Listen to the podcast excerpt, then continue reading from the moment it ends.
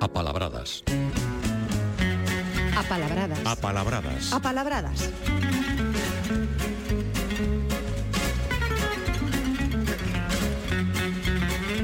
Como? Como serán as palabras que veñen visitarnos nas apalabradas este mes de abril? Acaso irán en consonancia precisamente con esta época do ano? Pois saberémolo. Paulino Novo, moi bons días. Bos días, pero collesme porque non pensar eu en buscar palabras de primavera, ainda que traio aquí unha, bueno, algo de vegetal pode pode valer, pero non pensar eu, non pensar eu neso. Bueno, tampouco eu te, te advertín para nada deste no, deste prólogo, no, pero eh? pois se me ocorrer. que tal leva o cambio horario, por certo? Eh, a primeira semana costa, costa eu madrugo ademais, eu a sete e media estou, estou xa aquí traballando na tele. Entón, os síos que madrugamos eh, a primeira semana, a primeira semana notase. Agora, sí, esta fin de semana recuperaremos un pouquiño e a, a seguinte xa se fará máis normal. Pois eh, nesta colaboración, Paulino, aprendemos ou recordamos palabras, pero de vez en cando tamén traemos explicacións para axudar a usalas mellor, o que se di usalas con propiedade, sabendo ben o que significan, así que poderemos usalas adecuadamente. E hoxe vas comentar algo non deplorable, senón a palabra deplorable. A palabra deplorable, sí. É, é unha palabra que usamos no sentido de, de malo, algo que, algo que non é bo, non? pero por aquelo de concretar e matizar e buscarlle o seu significado, como dicías tío, de para intentar falar con propiedade, en todo caso, saber o que podemos dicir cos matices esenciais e concretos que pode ter a palabra. Entón, este é moi fácil, porque eh, deplorable é algo que propiamente o que fai chorar ou queixarse, poderíamos ir por aí. Porque deplorar en latín era lamentarse e queixarse. Queixarse lallando ou choromicando. Eh? E despois casi se fixo co significado de, de chorar, incluso o significado concreto de chorar ou lamentarse nun sepulcro pola morte de alguén e tamén o de renunciar a desesperar. Pero en todo caso, este deplorare en latín era derivado de plorale, que se deplorare é onde temos a palabra chorar. Entón, propiamente, deplorable, e o verbo deplorar, é aquelo que fai chorar, que é tan malo ou tan ruín ou que sexa, que fai chorar ou, ou queixarse, eh? porque este plorar era chorar, pero tamén era era en latín tamén era gritar ou gritar chorando ou lamentarse ou ou queixarse. Eh, este paso de PL inicial do latín para para che, témolo de plorar e para chorar, pero é común. Chumbo ven tamén dun PL inicial latino ou de planum temos chan, as palabras que levan moito tempo na lingua, ese PL inicial latino pasa, pasa no galego a, a che. En latín había máis de plorare, había tamén lacrimare. Lacrimare non nos, non nos quedou pero quedounos eh, lágrima, eh? que podemos dicir, igual que podemos dicir bagua. E incluso había outro verbo que era flere, que non temos restos, pero teñen os portugueses. Teñen unha palabra que é flente que é o que chora, ou que se queixa moito. Eh? E por último, xa para rematar con esta palabra, eh, estábamos falando de chorar.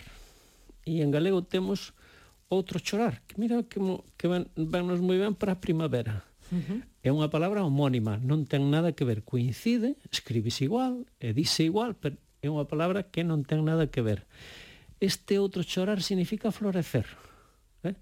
En positivo. Eh, en eh, positivo, sí. Eh, aplícase en galego, é unha palabra que está registrada con un uso concreto aplicado a florecer o centeo ou florecer o liño. E vende florar, que é unha alteración de florere, que ao final eh, derivado de, de flor. Acórdate que temos falado tamén que igual que a este chorar, temos falado dunha palabra en galego que era chor, que era unha mm, forma medieval para chamarlle a flor, que é unha forma que desapareceu, aínda que deixou como fósil a palabra chorima, que é esa flor amarela flor que, es, que lle sai a, o toxo a xesta. Eh? Son esas flores amarelas do toxo da xesta, chamase, chamase chorimas. E falando de chorar, obviamente as causas eh, polas que podemos chorar son moi, moi distintas. Eh, temas emocionais, pero tamén nos fai chorar, Paulino, unha cebola, por exemplo. Eh, sí. Deplorable. sí, eh, sí, sí, sí, sí, que acerto, sí que acerto. Mas é curioso, non sei se estado de ánimo que podes ter ti en calquer momento é polas especies das cebolas, pero unhas veces choras máis que outras, ou mellor, bueno, estás máis propenso a, facelo. Aínda non se inventou o remedio eh, que faga imposible chorar por causa dunha cebola, eh? creo. Arguiñano pon gafas. Pero bueno, el como llevan a esas cousas tamén eu, eu fai así media broma, eh, medio en serio, pero pon gafas e, bueno, as gafas funcionan. Bueno, sigamos sigamos adiante coas nosas apalabradas porque hai cousas que, que teñen moitas palabras para denominalas. Un caso son as que temos para a folla do piñeiro, moi peculiar por ser moi delgada. Cantas palabras, Paulino, podemos ter para esa folla? Eh, mira, non, non as contei, nin as traio aquí todas porque podemos aburrir pero pff, a mellor polas, por cerca das 50 ou por aí, sí que hai palabras, algunhas variantes, pero outras palabras totalmente distintas, eh? E hai, hai moitísimas. Hai moita folla, de, hai moito piñeiro, entón hai moita folla de piñeiro. Si que hai hai unha característica, xa veremos, eh, traigo aquí un, unha presadeña delas nada máis. Eh, si que hai a tendencia de ter a palabra para unidade, para esa folla única, esa folla delgadiña, ou eh, hai moitos nomes pro, pro conxunto de follas. Eh? Cando están no chan, sempre están moitas xuntas. Entón, sí que imos ter moitas das palabras que van definir tanto a unidade como o conxunto desas follas delgadiñas do piñeiro. Eh? Eh, empezamos por unha, quizás, bueno, si un pouco xeral, frouma. Frouma que ten as variantes fruma, frumeira, flouma, fluma, bruma pero frouma é así un pouquiño a xeral.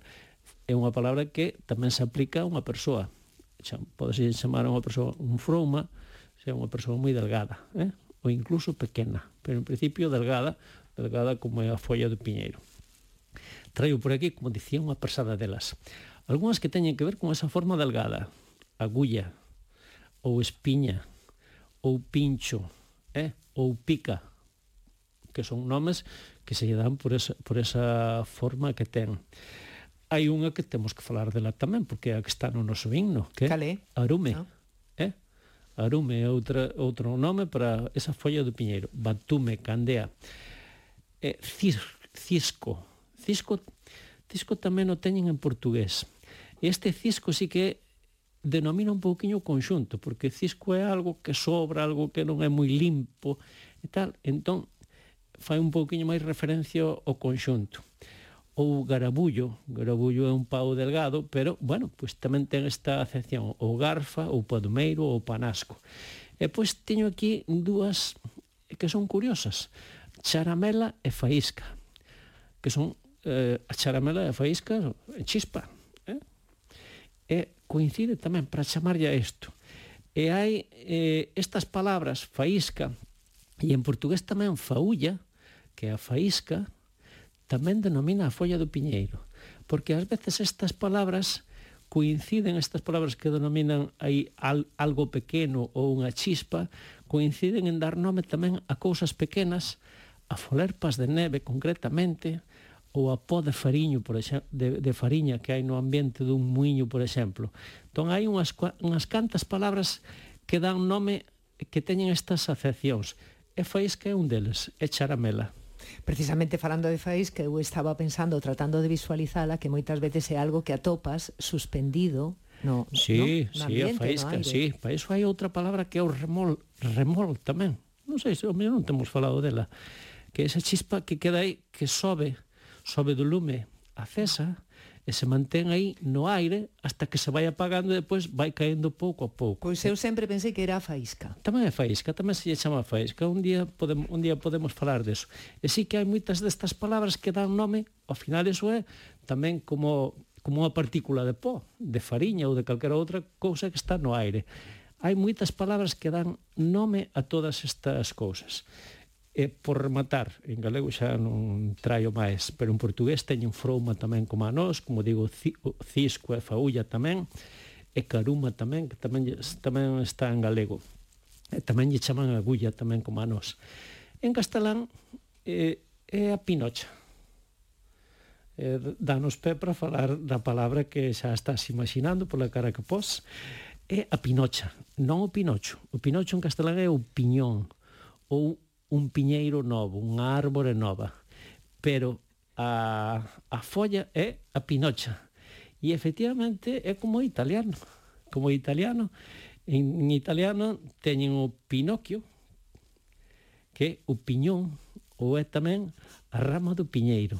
E desta sección do pinocchio da rama do piñeiro é de onde tomou eh, Gepetto un pau de madeira para facer un moneco no conto de Carlo Collodi, que ademais, como explica no, como explica no conto, ponlle este nome ao moneco porque esa madeira lle traía, lle traía sorte. Pero este Pinocchio de italiano está relacionado con esa co, coa palabra do castelán, co pi, Pinocho, e a Pinocha, que é a folla do Piñeiro. Pinocho que lle medraba o nariz por contar mentiras. Eh, o nariz, esa nariz de, de pau de piñeiro. Paulino, eh, para rematar, como sempre, con palabras pouco usadas, hoxe traes varias, coa mesma base e co mesmo significado. Falo de estender. Sí, eh, cunha base léxica que é spar. Spar, xa verás que, que, que variedade. Porque hai, hai procedimentos na lingua cando se recoñece por parte dos falantes un, unha, unha base léxica con un significado, a partir de aí ponse a máquina de creación de palabras a funcionar e en cada zona e cada falante pode, eh, pode inventar sobre esa, sobre esa base. Entón, temos, por exemplo, para unha persoa que estende, todo vai ser estender, eh? vale? unha persoa que estende o corpo, que se estira no chan, que estira as pernas, digamos que non moi elegantemente, pois temos eh, esparranado, esparrado, esparranchado, esparrelado, o castelán ten esparrancado, o asturiano esparrau, esparrabanau, o portugués esparramado, esparrimado, esparrallado, esparragado, eh? todo para denominar unha persoa que estira que estira, que estira o corpo, eh? Ollo, espárrago non, eh? No, pero ao final, no, non, pero, non, pero ao sí. final é spar, ese, esa base spar dá para crea, pra creación ilimitada, casi infinita. Incluso poden estar moitos deles influídos por espatarrado. Eh?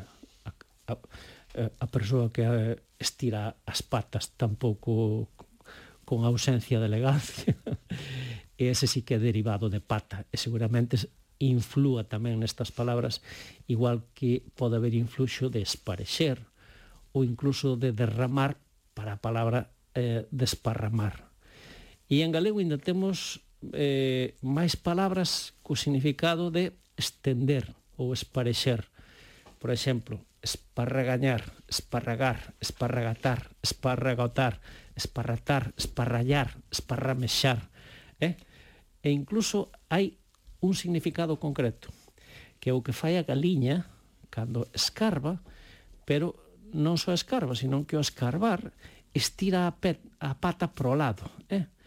Entón, hai un, unha palabra para para un, un, para denominar este esta acción que é esparriñar ou esparruñar, é mover a galiña a pata escarbando e movendo a, estendendo a estendendo a para un lado. E en galego ainda hai máis, ainda hai espurriñar que é patear ou dar patadas por, por enfado. Eh? Mira cantas palabras, todas co significado de estender, aplicado a distintas cousas, pero con esa base de espar, que para algúns pode ter orixes preindoeuropeos, pero habría que relacionar en todo caso cunha palabra latina que é porrigere, que é estender. Eh? Pero bueno, quizáis todo este relacionado. En todo caso, vimos palabras raras, creo que cumplín o de traer palabras Hoxe especialmente. raras, como, como... pero cantidad delas e todas con significado de estender. Como podes eh, pronunciar tantas e tantas palabras raras incluso e sen equivocarte, Paulino? Eh, Ensaias na casa? Eh, no, é traía escrito, claro. no, no, no. no na casa copio, na casa copio eh, pois, eh, pois leo. Pero sí, sí que, sí, sí que hai moitas, e podería equivocarme, ou mellor alguma pronunciei mal. Paulino, un placer como sempre escoitarte aprendendo contigo. Eh, xa o dixen algunha vez esta sección é un pouco como a Catedral de Santiago é unha catedral de palabras, cada vez vai máis avanzada. Eh, sí, unha sagrada familia que ainda non acabou. Pasa o ben, Paulino, Nada, feliz sábado, grazas. Grazas, grazas a ti. Pero os mellores momentos do Galicia por diante en crtvg.gal e na aplicación móvil CRTVG. As nosas oportunidades de hoxe temos Deterxente VIP Express dis 30 unidades po o líquido xel 40 doses máis agasallo Bernel 6 euros con 75 céntimos. Laranxa, bolsa 6 kilos 3 euros con 49 céntimos. E ovos ecolóxicos Rías Baixas libres de Gaiola, media dúcia 1 euro con 79 céntimos. Gadis, en confianza. Empresa colaboradora co acontecemento Ano Santo Xacobeo 2021-2022. En Costas na Terra temos unha cita con Ramón, mestre de horta no programa Verdear, un programa de integración social no que atopar a través da terra coñecemento e unha oportunidade nova. Os máis queixeiros están de sorte, xa que coñeceremos a Pilar, gandeira que decidiu que o seu ouro líquido estaría destinado a satisfacer os amantes deste manxar. E visitaremos Vilalba, Alí estaremos con Oliva, Vamos. criadora de capóns, coa que descubriremos moitas cousas da súa cría. Os capóns están ben vos, pero canto sabes deles? Se o queres comprobar e descubrir o resto de propostas, non perdas o novo programa de Cospes na Terra este luns a noite na Televisión de Galicia. Luis Ojea nos informativos da fin de semana na Radio Galega. Sábados e domingos ás 8 da mañá e ás 2 da tarde. O foco este sábado no paro do transporte tras cinco días de colapsar no, no, na fabricación de goberno xiro histórico Pedro Sánchez apoia agora os plans de Marrocos. Álvarez viaxará a Marrocos antes do próximo funeral polos falecidos no naufraxio do Villa de Pitaña. Informativos da fin de semana con Luis Ojea na Radio Galega e radiogalega.gal. Os en familia, pensa ben e acertarás. Centro Xamón Curado Reserva G Sargal o corte 9,95 euros o kilo. E costela de porco prancha 4,99 euros o kilo. Familia e máis fresco. E máis teu. Aforra cada día en Autoservicios Familia. Empresa colaboradora do acontecemento Xacobeo 2021-2022.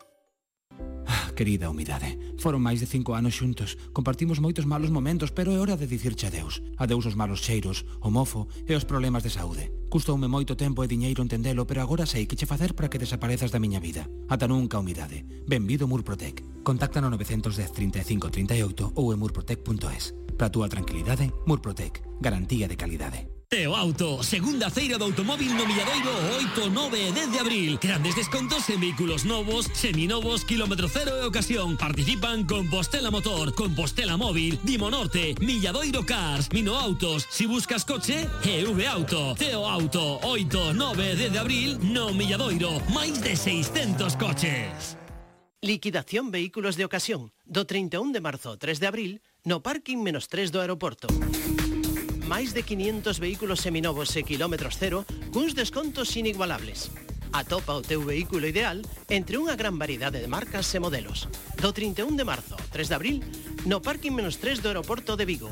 Acceso e aparcamento gratuito. Grupo Pérez Rumbau. Venga, Gadis, As nosas oportunidades de hoxe temos.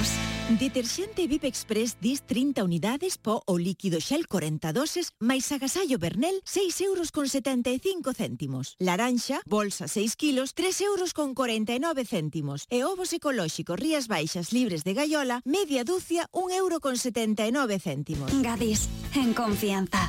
Empresa colaboradora co acontecemento Ano Santo Xacobeo 2021-2022 Na fin de semana, os goles escoitanse no programa líder Galicia en goles. Aspas, aspas, aspas, aspas, aspas, aspas, gol, gol, gol, segundo. gol, gol, gol, gol, gol. Mm, do Deportivo en Riazor. Gol do Clube Deportivo Lugo. Benres ás 8 e media da noite. Sábados desde as 3 da tarde e os domingos programa dobre ás 12 do mediodía e desde as 3 da tarde cando xoga o teu equipo Galicia en goles con Xoan Galán. E a calquera hora no podcast de radiogalega.gal e na conta de Twitter arroba Galicia N Goles. Había que velos a eles facendo obra a miña Efectivamente. A ver que facían. A ver. O equipo de Galicia Bonita chega a Foz para unha reforma con diferenzas familiares. Falado con Rosa, má con eles, sabe que vos din, pero... Quen é Rosa? Quen é Rosa? Parece que a tensión vai estar no ambiente. En algún momento vou me escaquear da obra para sacarlle algunha foto á Basílica, porque é impresionante. Non perdas a oportunidade de ver este novo reto en Foz o domingo pola noite no Galicia Bonita na Televisión de Galicia. Anxo, pode haber algo máis zeta que ser antiga e moderna un tempo? A pobreza. Eh, sí, é certo. Das creadoras de Se a merda valese cartos, os pobres nacían sen cu, chega a segunda parte. Os ricos ata lles paren os bois. Así non sei como non perdemos a cabeza. Pois o refrán de hoxe é precisamente eso, que de mozo non tolea de vello perde a cabeza. E para tolear facemos o Diario Cultural Z, sábados e domingos ás dúas e media en radiogalegapodcast.gal.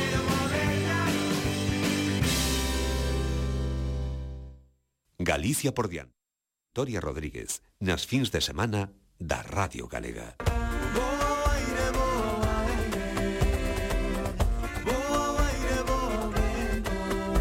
Imos, imos. Eh, resulta que estamos xa Isabel Freire no mostrador de facturación porque marchamos cara a Colombia. Pois sí, parece un destino exótico e creo que o vai ser, porque ademais visitaremos lugares absolutamente insólitos. Empezamos.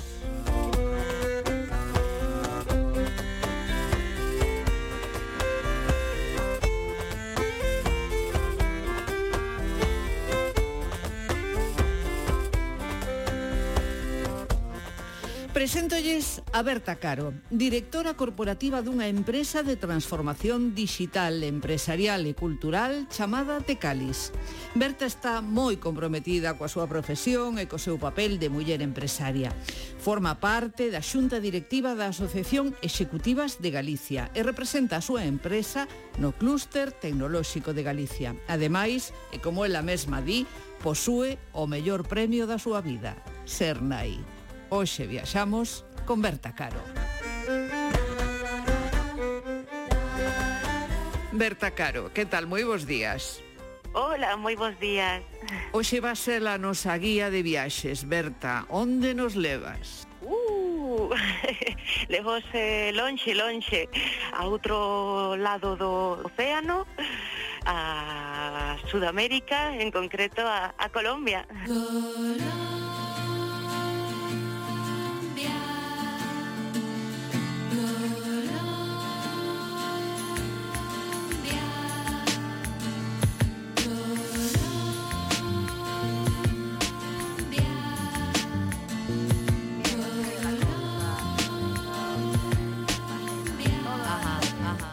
que Colombia? Bueno, porque o, o meu pai era de mm, orixe colombiano e, e por esa razón tuve a sorte de, de poder coñecer o, o país eh, desde ben pequeniña que viaxábamos a, a visitar a, a familia que, que aínda viven por alá e, e por iso puden coñecer moi ben o, o país eh, desde todas as perspectivas e eh, coñecendo máis eh, desde dentro, non? Mm -hmm. Vamos entón a, a transitar por Colombia, a deixarnos levar eh, a coñecer pois os sitios onde ti nos queiras levar. Por onde empezamos? Ui, Colombia é tan grande e, e ten eh, tantísimos contrastes ten Cordillera dos Andes, ten bosques tropicais, ten selva, Amazonas, eh, ali está a, a capital do, do, do Amazonas, ten eh, os llanos que é como como a sabana, como como a pampa argentina, non? É eh, unha sabana, un paisaxe de, de, de, de sabana ten cafetales, ten bueno, Mar Caribe, que non sei se o dixen, eh, eh, en fin, é completísimo, mm. completísimo. Podemos eh, falar de todos eles, lóxicamente non, non temos tempo, eh, e eh, penso que, que podría centrarme quizás en, en sitios eh, menos coñecidos, ¿no? porque o Caribe colombiano máis coñecido, como é Cartagena de Indias, ou um, mm, cidades máis eh, coñecidas, como Barranquilla ou como Medellín, pois quero salirme desos eh, circuitos que, que son máis coñecidos e centrarme en, en lugares máis eh, diferentes eh, con unha maxia e unha historia un poquinho máis especial por detrás. Que ben, pois estupendo. Eu apúntome, estou así xa como para tomar nota, non sabes, para facer xa plan de viaxe. Plan de viaxe. Veña, dinos. Pois eh, eu quería falaros eh, do Parque Nacional de, de Tairona.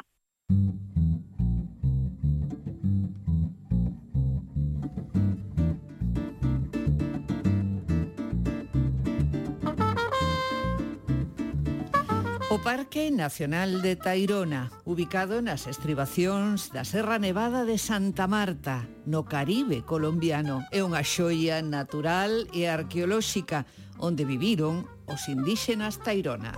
Eu cando, cando a visitei, isto foi xa hai como 11, 12 anos, era unha zona que como está apartada pois eh, acababa de ser liberada porque estaba había sido tomada moitos anos por eh, as guerrillas, por os paramilitares, eh, bueno, estaba máis máis virxen que nunca. Éramos os, os primeiros eh, europeos que, que pisábamos aquelo despois de que votaran as, as guerrillas e eh, paramilitares, eh, e foi un contraste, unha impresión dos viaxes que, que máis me, me impresionou eh, en mi vida por, por, por ese motivo, non? Porque era completamente virxen eh, entrar no Caribe máis virxen, na, na selva máis virxen, De feito, salimos na televisión por ser os primeiros que pisábamos a os primeiros val valientes. Eh, aparte de eso, unhas eh, praias, eh, a selva chega, completamente as, as, as praias, praias de arena branca, un paisaxe impresionante, eh, caribeño, a mí o que máis me impresionou foi a, a montaña que, que ten detrás. Eh, en concreto, eh, pola parte de atrás, ten o que chaman a ciudad perdida. É unha especie de Machu Picchu. Mm. todo todo o mundo coñece o, o Machu Picchu en, en Perú, non? Sí. Pois pois isto é eh, a, a ciudad perdida de, de Tairona, é un, unha ciudad, unha cidade eh, eh, que, que construíron os, os indios Tairona e eh, bueno, eh, está perdida de verdade non hai carreteras nin, nin camiños Tens que ir camiñando, camiñando durante tres días para chegar á Cidade Perdida. Está nunha reserva natural eh, e vas eh, camiñando pola selva, pasando poblados eh, indígenas. Eh, todavía viven os, os indígenas, mm, os, os indios eh, originarios de aí de Tairona, viven, viven ali totalmente desconectados do mundo.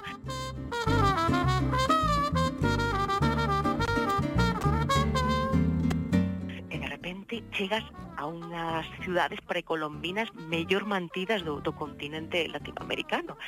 Eh, é unha terraza que está na, na ladera, como Machu Picchu igual, na ladera con terrazas, con camiños de pedra impresionantes, eh, sub, es un, un camiño de 1200 escalóns hasta chegar a, a cidade eh, eh, durante esos tres días eh, tes que, que, dormir en campamentos moi moi sencillos, non literas, eh, que bueno, suelen coincidir que son campamentos, eran antiguos eh, laboratorios de, de narcotraficantes, eh, mm. ademais dos, dos paramilitares eh, das guerrillas, pois a, aquelo al, a, a estar tan escondido eh, tamén eh, foi eh, un, un foco moi importante para, bueno, para para plantacións de, de, de coca eh. e cando todo iso desapareceu, pois eh, consérvase o que eran os laboratorios de, de coca que agora son sitios onde pernoctar.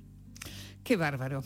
O descubridor da cidade perdida foi un buscador de tesouros, Frankie Rey, Alcumado el abuelo, que serviu de guía para unha expedición que tivo lugar en 1976, conformada por tres arqueólogos e un arquitecto, que recompilaron probas e información desta cidade perdida por primeira vez.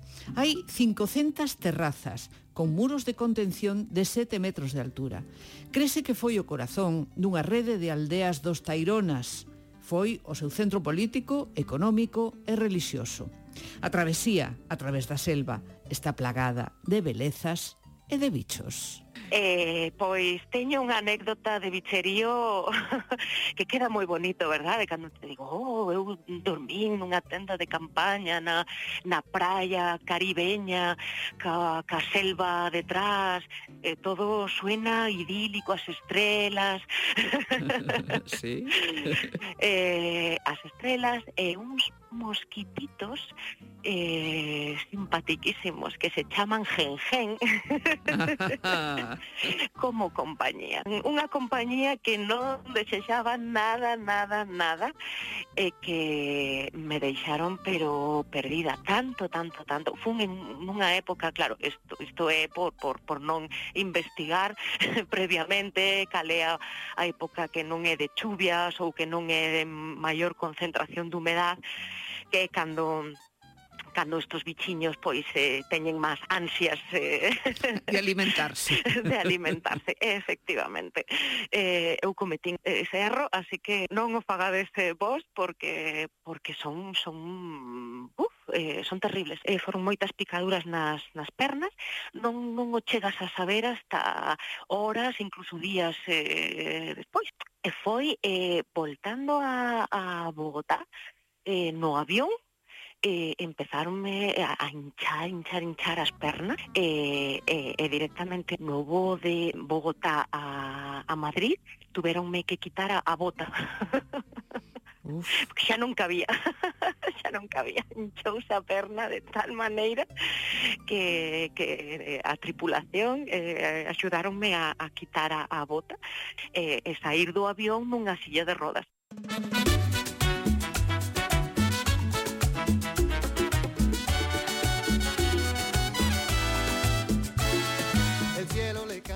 Ai, as anécdotas das viaxes. Visitamos agora con Berta Caro os Andes colombianos. Hai un, unha rexión que se chama Boyacá, que é super eh, moi bonita, ten os típicos puebliños eh, con, con arquitectura eh, da época colonial, cascasiñas blancas, as rúas empedradas, eh, ou casiñas de colores, de cores eh, moi oh, verdes, azules, rosas, bueno, os, os poliños de, eh, dos Andes eh, colombianos son eh, impresionantes, moi, moi, moi recomendables. Eh, cómese wow unha carne, uns eh, asados eh, impresionantes e os eh, peixes da, das lagunas e dos ríos que hai a esas alturas a 2000 metros de altura pois os nutrientes que, que teñen esas augas claro. pois eh, dan unhas, unhas troitas e eh, uns eh, peixes eh, impresionantes eh, tamén riquísimos, riquísimos eh, os poliños son eh, increíbles, a artesanía fan con unha especie de xuncos que, que hai fan uns cestos, eh, un, eh, uns sombreiros, eh, bueno, uns bolsos. Mm -hmm. eh, preciosos, preciosos, eh, que os fan os, eh, os indios indígenas, eh, e tamén con, con un árbore que se chama eh, tawat, tallan, a, a, a tagua e fan unhas figuriñas eh, incluso filigranas increíbles, queda como como se si, se fora um, carei. Eh, ah. queda como parecido a, ao carei as, as filigranas e as eh, figuriñas. Bueno, precioso, precioso.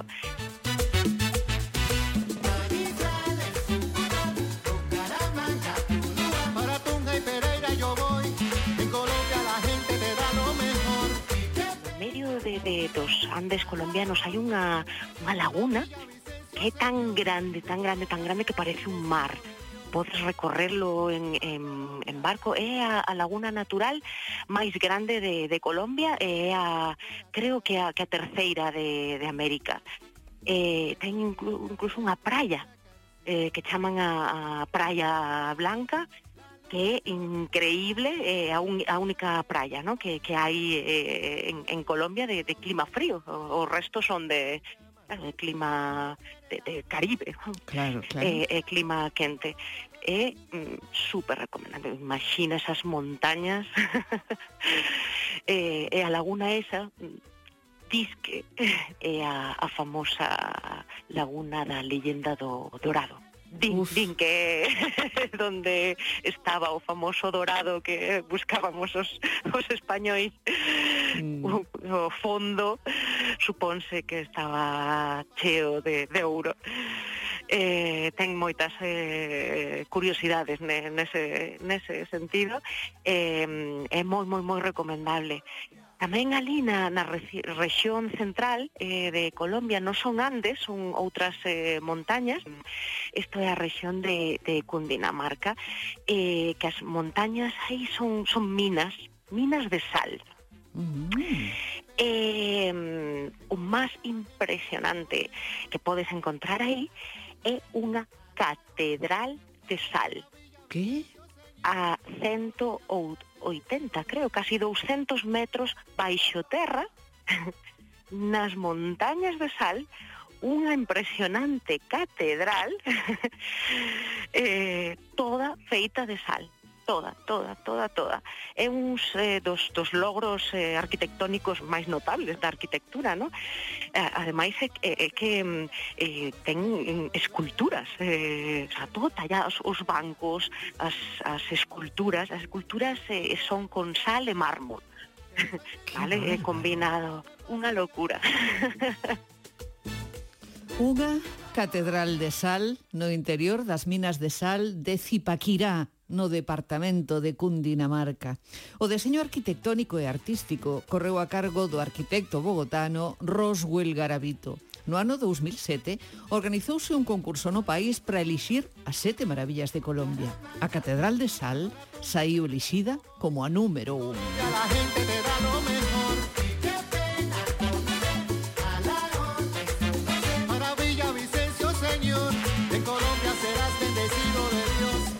fin, Berta, gustanos moito esta Colombia que nos estás describindo, que se alonxa absolutamente do que sabemos e do que podíamos agardar, non? De falar de Cartaxena de Indias, tan bonita, patrimonio da humanidade, ou de Medellín, sí. ou de Cali e tal.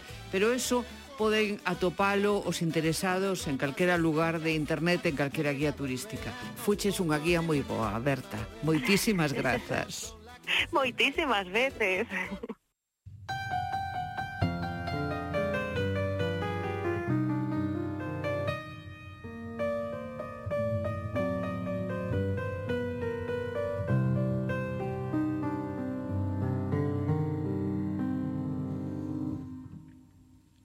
esta canción que tiene un aire criollito, brota muy suave desde el fondo de mi alma, como el aroma suave de tu cafecito, tan suave como tus mujeres, mi Colombia, me inspiran cosas unha orquídea en la mañana.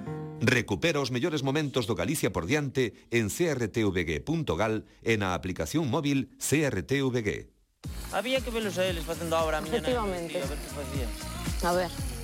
O equipo de Galicia Bonita chega a Foz para unha reforma con diferenzas familiares. Colado con Rosa má con eles, a ver que vos din, claro. Quen é Ros? Quen é Ros? parece que a tensión vai estar no ambiente. En algún momento vou me escaquear da obra para sacarlle algunha foto á Basílica, porque é impresionante. Non perdas a oportunidade de ver este novo reto en Foz o domingo pola noite no Galicia Bonita na Televisión de Galicia. Sábado, Galicia en goles. Desde as 3 da tarde, Celta Real Madrid, Valladolid Lugo e Deportivo Rayo Majadahonda. Galicia en goles, programa líder de audiencia con Xoan Galán, Rodrigo Pérez e todo o equipo deportivo da Radio Galega. Galicia por diante con Victoria Rodríguez. Nas fins de semana da Radio Galega. Seguimos adiante cando son as 10:44 minutos e eh, desexando escoitar eh, xa o que nos ten que contar hoxe Jorge Mira.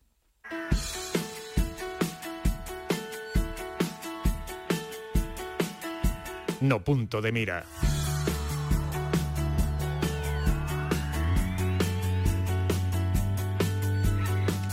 E hoxe decía moi especialmente porque Jorge Mira, xa saben, que tamén foi o anfitrión a nosa comunidade en Galicia da visita que realizou e realiza, porque marcha esta tarde o Nobel de Química David Macmillan. Jorge, que tal? Moi bons días. Moi bo día, cansado, pero bueno, contento porque saiu todo a pedir de boca eh, Macmillan estivo aquí unha semana enteira e eh, bueno, fixo cousas no décimo aniversario do CICUS, uh -huh. ese centro punteiro que hai en Galicia que organizaba un congreso para celebrar o seu décimo aniversario en cusa inauguración estaba o presidente da Xunta e tamén no, no meu programa Conciencia e eh, cunha conferencia espectacular non? Uh -huh.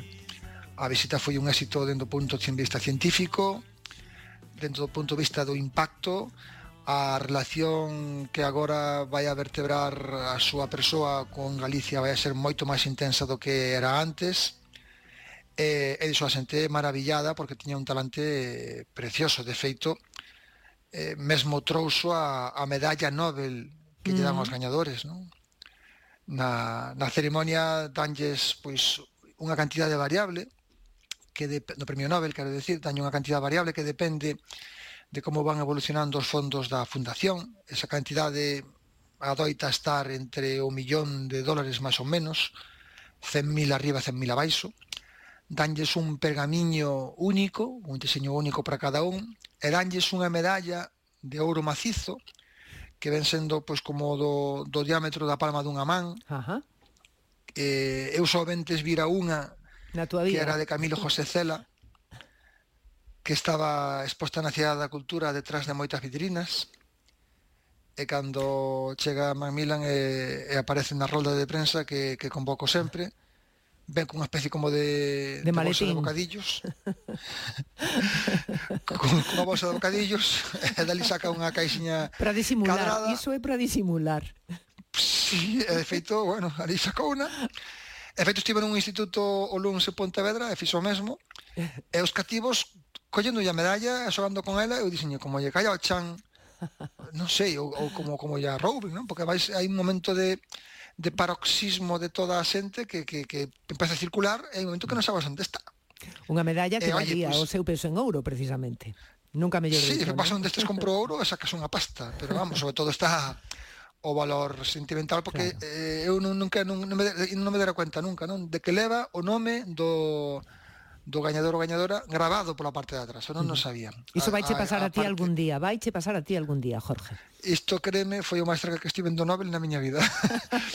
Pero eh... ten un anverso que a, a efixe de Nobel é un reverso que cambia segundo a categoría na caso de, mm, de, de medicina leva unha deusa da saúde, no caso de economía leva outra efixe, no caso da paz leva outra, e no caso de física química leva creo que a mm. Minerva.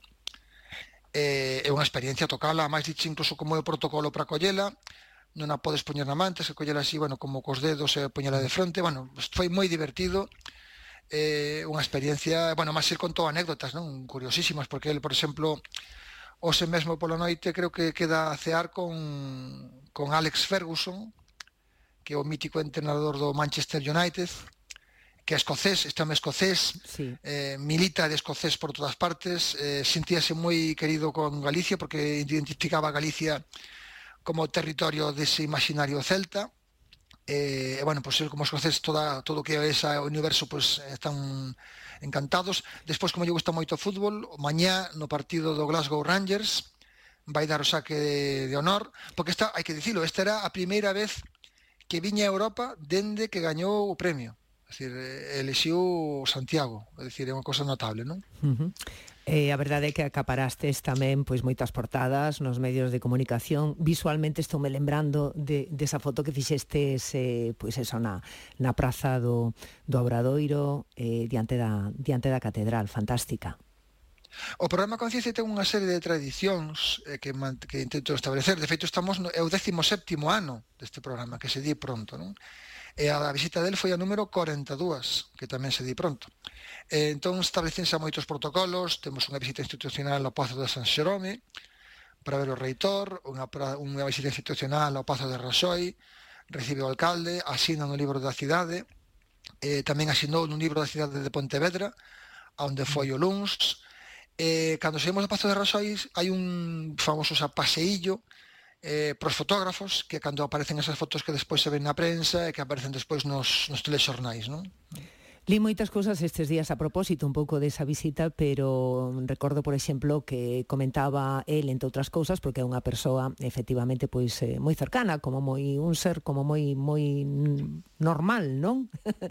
eh, dicía que el mesmo cando chegou á universidade nin tan sequera sabe, sabía se podría rematar a carreira.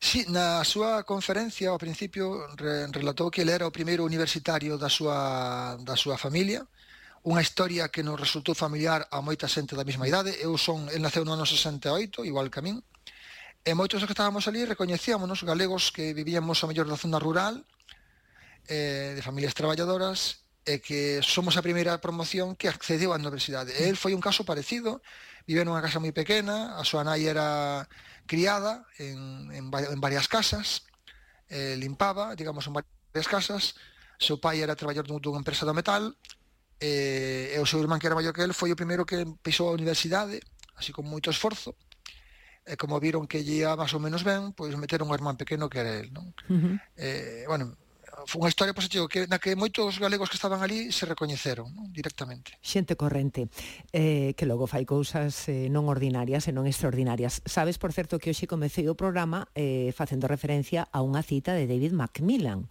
Eh, ser feliz, pasalo ben e sorrir a pois insist, insistiu moito niso, non? A ver, contame, Feito contanos. El... Por qué? Sí, porque el, o, o que é os cartos mm, como que lle dá igual, non sei, eh, o, o premio do uno a unha fundación de caridade. E, o premio iba repartido a dous, contra ela máis Benjamin Lis, pero é medio millón de euros.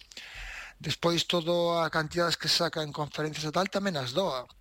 Eh, home, tamén é certo que el ten un grupo potente na, na Universidade de Princeton, el fixe un percorrido por toda a elite norteamericana de universidades, estuvo na Universidade de California Irvine, Irvine despois pasou a Berkeley, despois pasou a Harvard, ser, sitios moi importantes todos, pero claro, ten unha importante aplicación ao seu traballo para facer medicamentos, non? Eh, eh, porque hai reaccións, o sea, o 35% da economía mundial está baseada en procesos que involucran a catálise de algún xeito no proceso productivo e isto afecta como non a industria farmacéutica, na que un, por exemplo, poso o exemplo do ibuprofeno, non? O ibuprofeno é a xuntanza de varias moléculas orgánicas e hai que favorecer esa xuntanza.